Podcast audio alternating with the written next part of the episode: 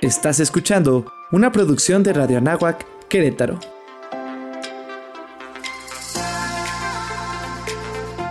Amplía tu sentido.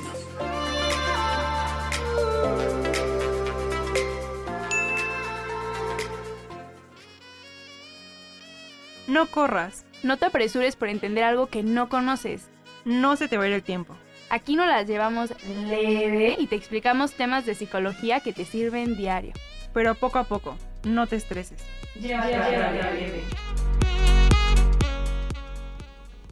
Hola, bienvenidos de nuevo a este su podcast Llévatela leve. Yo soy Regina Contreras. Y yo, América Arroyo. Y estamos muy contentas de que nos estés escuchando de nuevo. Hoy tenemos una invitada súper especial aquí en cabina que ya nos ha acompañado anteriormente, que nos va a hablar de un tema súper interesante. Bienvenida de nuevo a Paola Serrano. Qué gusto es volver a tenerte aquí Gracias por venir a visitarnos y a compartirnos tu conocimiento una vez más. Muchas gracias por la invitación, chicas. Como ya saben, Paola es psicóloga clínica certificada en entrenamiento de habilidades socioemocionales con más de 20 años de experiencia. Y bueno, comenzando, ¿les ha pasado que alguna vez quieren comenzar a hacer algo nuevo y la simple idea de que no eres bueno te limita a dar tu máximo potencial o simplemente comenzarlo? Hoy invitamos a Paola para que nos hable de este fenómeno que la apasiona muchísimo. Entonces, Pau, ¿por qué sentimos que no tenemos la capacidad para hacer algo cuando sí la tenemos? Pues puede haber muchas razones, ¿no? Una, razón puede ser eh, una sensación de inseguridad, ¿no? De, autoestima también, como de no, no reconocer estas capacidades que tiene uno o el potencial que tiene uno. Y esto va aunado a un tema de aprendizaje, ¿no? Desde tu infancia, cómo fuiste educado, si, te, si, creciste en una familia donde te, apoyaban para emprender y hacer cosas nuevas y te aplaudían, o si más bien fuiste limitado, castigado, regañado y eso puede eh, permear tu experiencia y entonces sentirte, pues sí, como que no, no puedes hacer algo o que no sabes hacer algo cuando en realidad no te has puesto a prueba. Eh, el contexto en general, no nada más la familia, ¿no? El contexto, si hubo muchas prohibiciones, ¿no? Eh, no hagas esto, no hagas lo otro, no te subas, no intentes, puede ser que empiece a generar ciertas creencias, pensamientos limitantes y que de grande eh, simplemente digas, no, no puedo. Quizá no lo hayas del todo intentado. Wow, es, es impresionante ver cómo desde chiquitos nos van condicionando, ¿no? A tener ciertas actitudes y como que nos limitan Sí, yo lo veo, por ejemplo, eh, es, es, fácil ver este tema de géneros, como a las niñas nos prohíben hacer ciertas cosas, los niños pueden hacer otras y les prohíben también hacer ciertas eh, conductas o actividades que son más femeninas. Y entonces eso pues nos va limitando y de grande a lo mejor tú quieres em, correr autos de la Fórmula 1, ¿no? Pues dices, pero soy mujer, no puedo. Pues, pues no lo has intentado.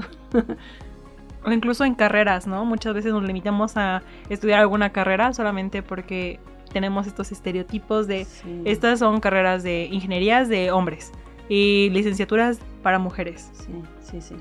Pero bueno, y ahora sí, Pau, ¿qué es el desamparo aprendido? ¿Cómo surge el estudio de este fenómeno? Sí. Nada más para que esta sensación de no poder hacer algo no necesariamente es desamparo aprendido, ¿no? Pero vamos a ver, entonces vamos a ahondar en el desamparo aprendido. Eh, surge su estudio en los años 60, principalmente con animales, eh, con perros, que de alguna manera fueron eh, violentados, voy a decirlo así, o, sea, o, entrenados de una manera muy limitante, sin darles de comer o con choques eléctricos. Y comparando a estos grupos de, perros o de mascotas con otros que se les daba un ambiente más favorable y amable y sin choques eléctricos y podían automáticamente con su nariz eh, tocar un botón y desactivar el choque eléctrico y así. Bueno, son, son experimentos un poco complejos, pero se dieron cuenta que aquellos animales que no tenían control sobre los estímulos aversivos generaban e, esta sensación de, de desamparo, de falta de esperanza, de ni siquiera tener las ganas o la intención de hacer algo para cambiar su situación. Básicamente es eso. Entonces, Después de descubrir esto en animales, empezó a haber una serie de estudios eh, en humanos, no necesariamente con choques eléctricos, no se espanten, pero en otros contextos. Y pues uno de los principales autores es Martin Seligman, eh, tiene uno de sus libros más conocidos, es El desamparo aprendido, en inglés Learned Helplessness, ya es del 93, o sea, tiene varios años.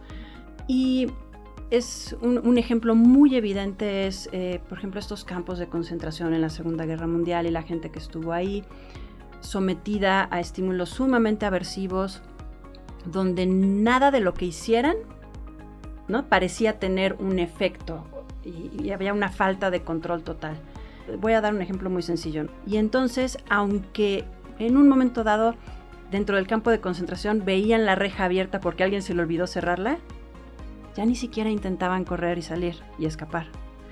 Porque ya estaban condicionados a que nada de lo que hicieran iba a tener éxito. Entonces, esta es la, la sensación del desamparo aprendido.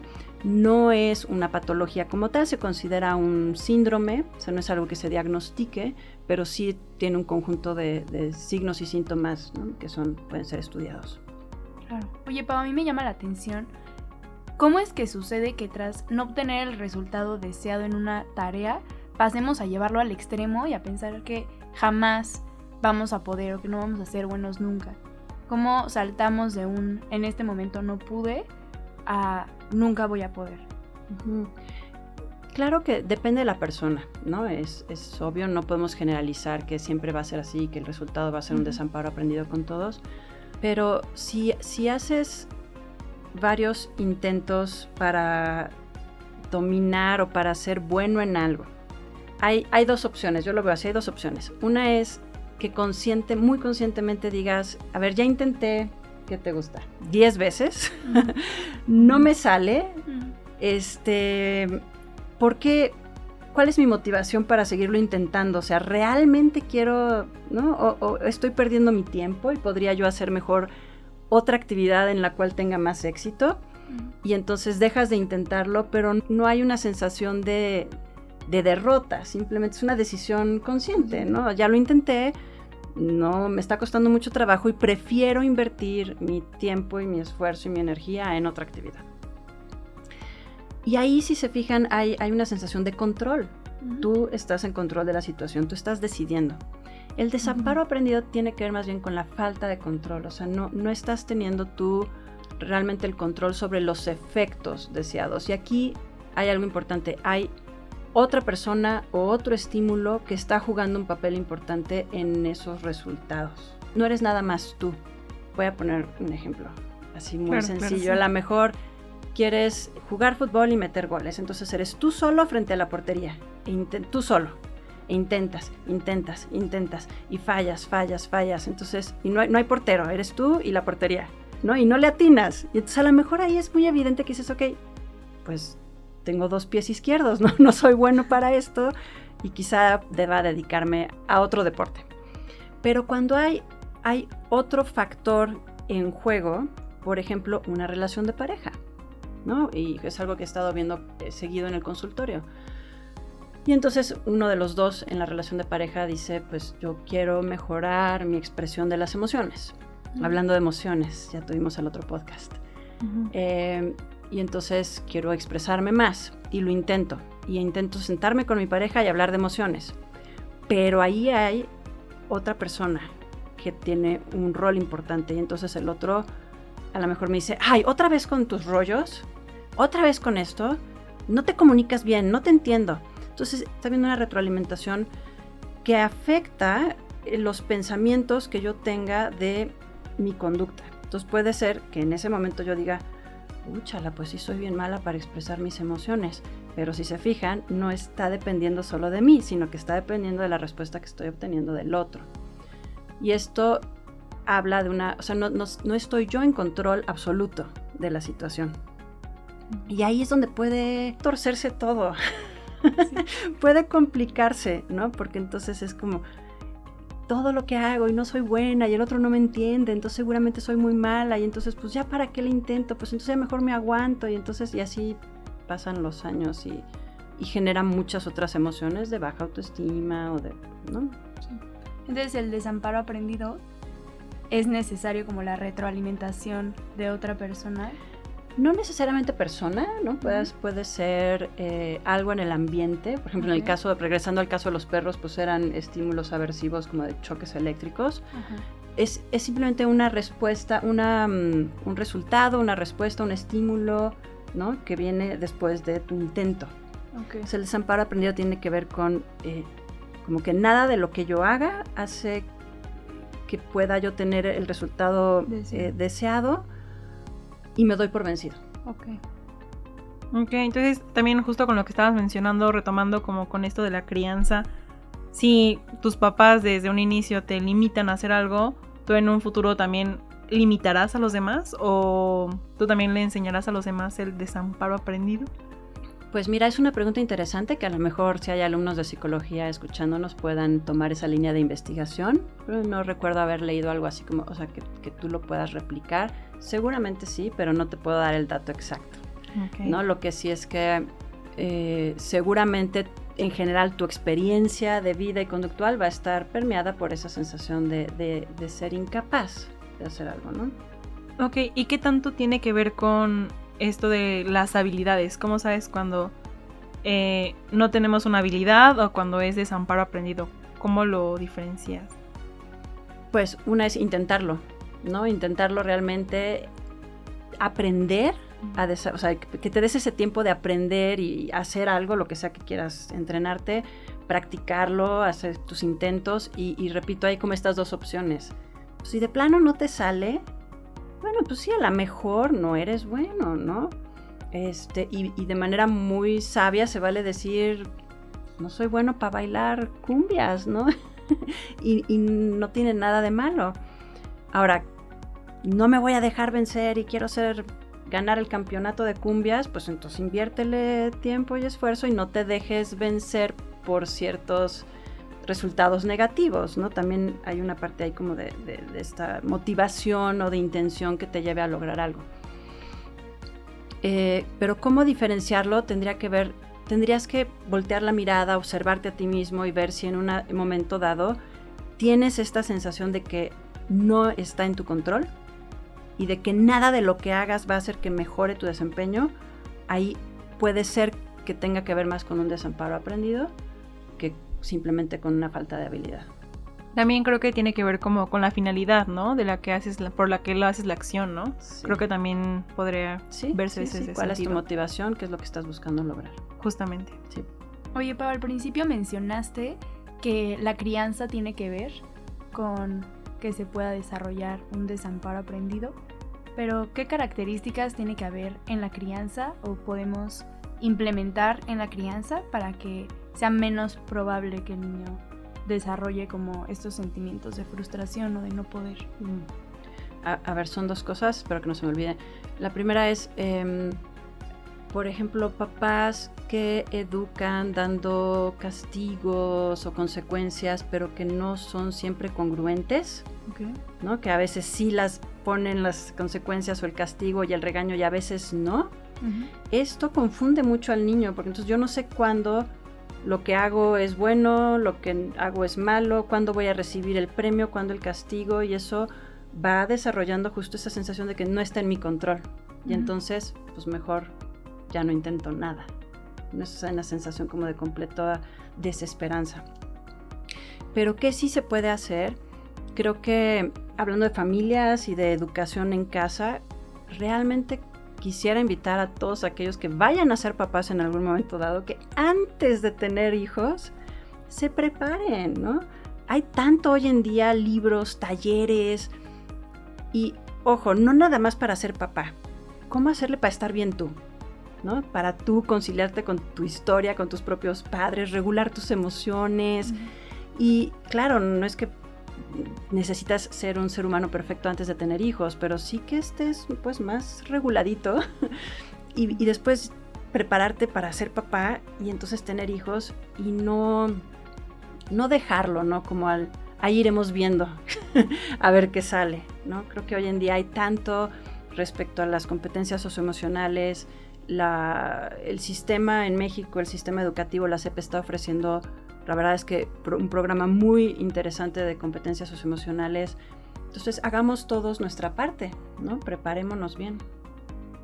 Sí, justamente hay un libro que se llama Disciplina Positiva, que es buenísimo, que habla sobre esta parte de validación de las emociones de los niños y cómo dejar que el niño vaya creciendo y experimentando poco a poco por sí mismo, y como que no limitándolo a todo lo que el papá o la mamá diga. Sí, y habla mucho ese libro de congruencia, justamente, de ser muy congruente y de involucrar al niño además en cuáles van a ser las consecuencias de sus acciones, en fin, y eso es muy sano. Justamente.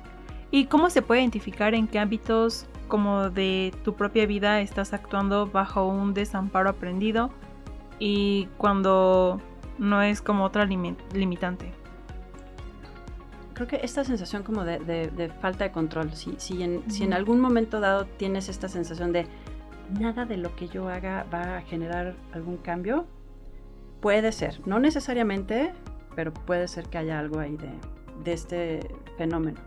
Y otra cosa, mencionas que el desamparo aprendido causa ciertas emociones en las personas, mm. pero ¿qué tan probable es que este fenómeno venga de la mano como con depresión o con altas emociones como de vulnerabilidad o de desesperanza?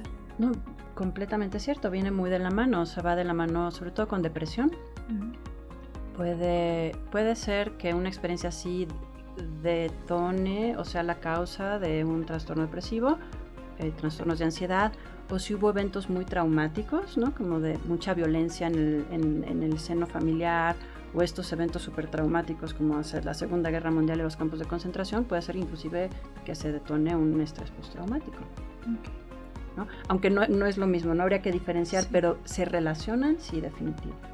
Ok, entonces hay que checar esa, ambas partes, ¿no? Para no, no perder como a lo mejor y puedes tener desamparo aprendido y depresión junto, entonces trabajar ambas partes, ¿no? Sí, sí, sí. Eh, nos estamos quedando un poquito sin tiempo, pero como por última pregunta, eh, como que de qué forma podemos romper con este fenómeno? Leyendo, estudiando y dedicando tiempo, de nuevo, como lo mencioné en, en, el podcast anterior, dedicando tiempo a conocerse a uno mismo, ¿Por qué me está dando miedo intentar esto? ¿Por qué estoy eh, sin ganas de querer cambiar esta situación en mi vida? ¿No? ¿Por qué? ¿Qué pasa? ¿Será desamparo aprendido o simplemente a lo mejor es una falta de motivación eh, diferente? Y si sí noto algo ahí como de, desesperanza, ¿no? Y como de, no, nada, nada va a poder cambiar en absoluto eh, pues checarlo, ¿no? Acercarme a alguien que sepa del tema, acercarme a un psicólogo, psicóloga, leer y, buscar el, cambiar esa experiencia, porque finalmente el único afectado es la persona. Bueno, y creo que también su entorno, ¿no? O sea, creo que si no estás bien tú, tu entorno va empezando a... Oye, Pau, ¿nos podrías dejar una tarea como concisa para nuestros oyentes de cómo pueden identificar cuando estén sintiéndose frustrados frente a alguna tarea, si es un desamparo aprendido o simplemente una limitante objetiva, que no sean buenos en, eso que están haciendo o si ya aprendieron como este desamparo. Ok. A ver, entonces lo primero sería identificar, ¿no? Si hay algo que te está frustrando en este momento, si hay algo que has estado intentando hacer, no te sale y te está generando frustración, date un momentito en tu día sin distracciones para reflexionar en ello. Entonces siéntate, yo siempre recomiendo tomar notas porque escribir lo que vas pensando te ayuda a acomodarlo. Entonces escríbelo, ¿no? A lo mejor así de qué es lo que me está frustrando, qué es lo que quiero lograr, qué no he podido lograr. E identifica tu motivación, ¿no? ¿Por qué lo quiero hacer? ¿Qué es lo que quisiera realmente alcanzar? ¿Qué me va a traer de bueno lograr esto? Luego, ¿por qué no me está saliendo? A ver, lo voy a decir así, desmenuzar la experiencia. Cuántos intentos he hecho, qué resultados he tenido. Y el, al desmenuzarlo a lo mejor encuentras o, puedes identificar algunas cosas que no habías visto antes, ¿no? A lo mejor, oye, bueno, pensé que lo había intentado demasiado, pero ay, solamente lo he intentado tres veces. Pues a lo mejor me animo y lo intento otras tres y me pongo yo un límite tres intentos más y si no me sale, bueno, ya no pasa nada, cambio de actividad. Claro, depende de lo que sea, ¿no? Eh, eh, pero hacer algo como, como muy desmenuzado y que me permita planear mis actividades para que me acerquen a un bienestar. Y no a lo mejor, eh, ¿cómo se dice? Como aferrarme a un, algo, lograr algo donde a lo mejor genuinamente no soy bueno, ¿no? ¿Por qué me estoy aferrando a que tengo que ser buenísimo en esto? Y, a lo mejor soltarlo también es sano, ¿no? Sí, claro, justamente, y creo que es como más que nada el conocer tus propias limitantes, ¿no? Y aceptar que no puedes ser perfecto en todo lo que quieras hacer. y muchísimas gracias como por todos los tips que nos acabas de dar, creo que nos van a ayudar a más de uno. Y gracias por compartirnos y aportar sobre todo en este tema de pues de todo de resiliencia, de motivación, de desamparo aprendido y pues muchas gracias. Pau. No, ¿de qué? Gracias por la invitación. Pau, ¿quieres que te sigan en algún lugar o, o algún contacto que quieras dejar? Pues mira, estoy en Doctoralia como Paola Serrano Sierra o en Instagram y Facebook como Nilaya MX. Esa es mi cuenta. Bueno, pues esto es todo por esta semana. Una vez gracias por sintonizarnos y gracias Paola otra vez por venir a compartir con nosotros. Los esperamos en otro episodio a la misma hora y en el mismo lugar. Recuerden seguirnos en Instagram como llévatela.leve podcast. Y muchísimas gracias. Ahora que ya le sabes un poquito más, ahorita que no hay estrés, échate otro de nuestros episodios. En fin, que están leves.